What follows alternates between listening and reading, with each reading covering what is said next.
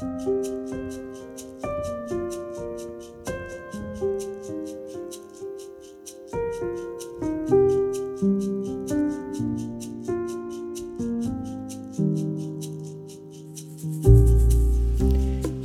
lytter. Av ulike årsaker har det vært en liten pause i nye spirer fra meg. Men den forrige, i serien Kairos-tider, handlet om Salme 31, der det bl.a. står Mine tider er i din hånd.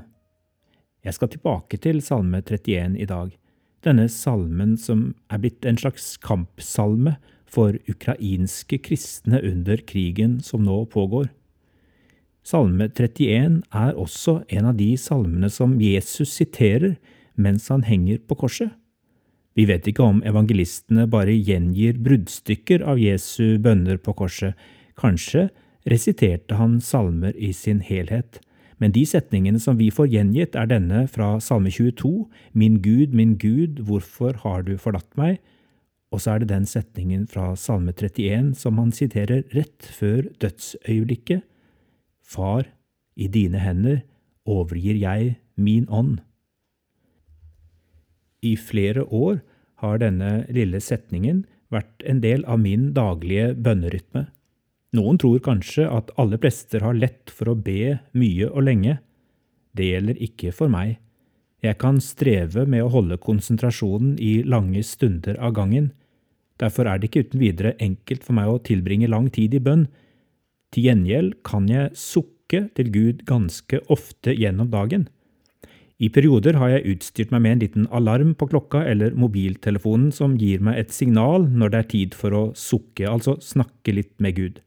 Jeg har funnet ut at det er vel så lett å be korte, periodiske bønner et par–tre ganger gjennom dagen enn å få til en lang bønnestund, eksempel om morgenen, slik noen er flinke til. Jeg står i en lang tradisjon når jeg har forsøkt å ha klokka på for å stanse og be, selv om jeg definitivt ikke er så utholdende som mange av våre forfedre i troen. Det fins et navn på det å be på faste tider gjennom døgnet. Det kalles på norsk for tidebønner, og de finnes i mange variasjoner. Men essensen har til alle tider vært å be med Salmenes bok i Det gamle testamentet. Vi mennesker er ulike. Noen foretrekker struktur, liker nedskrevne bønner, ber ofte salmene i Bibelen og elsker rytmen. Andre benytter andre verktøy, bøker og metoder i sine tidebønner. Jeg tror det er viktig at vi respekterer hverandre for denne forskjelligheten. Nøkkelen er å minnes Gud jevnlig, ikke hvor lenge det varer og hvilke ord vi bruker.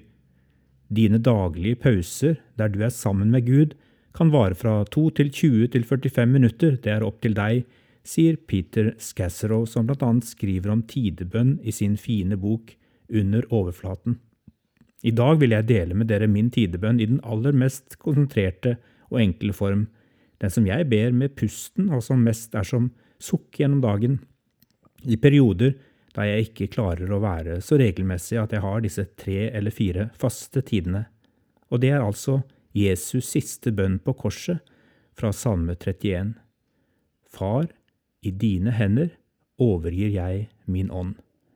Og så gjentar jeg den ved å nevne de ting, de situasjoner eller de personer som ligger meg på hjertet akkurat nå, og som jeg trenger å minne Gud om. Far, i dine hender overgir jeg min familie. Far, i dine hender overgir jeg mine kollegaer.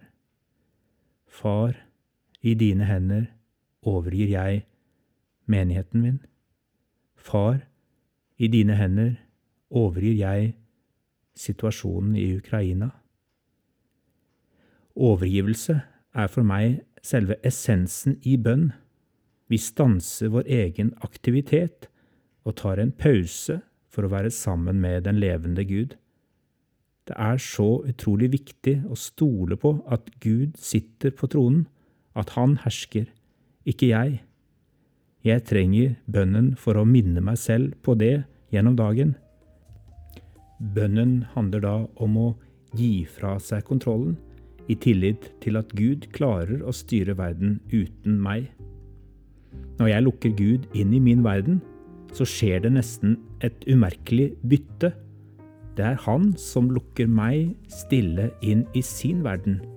Jeg og alt mitt er omsluttet av Guds faderhender. Far, i dine hender overgir jeg alt.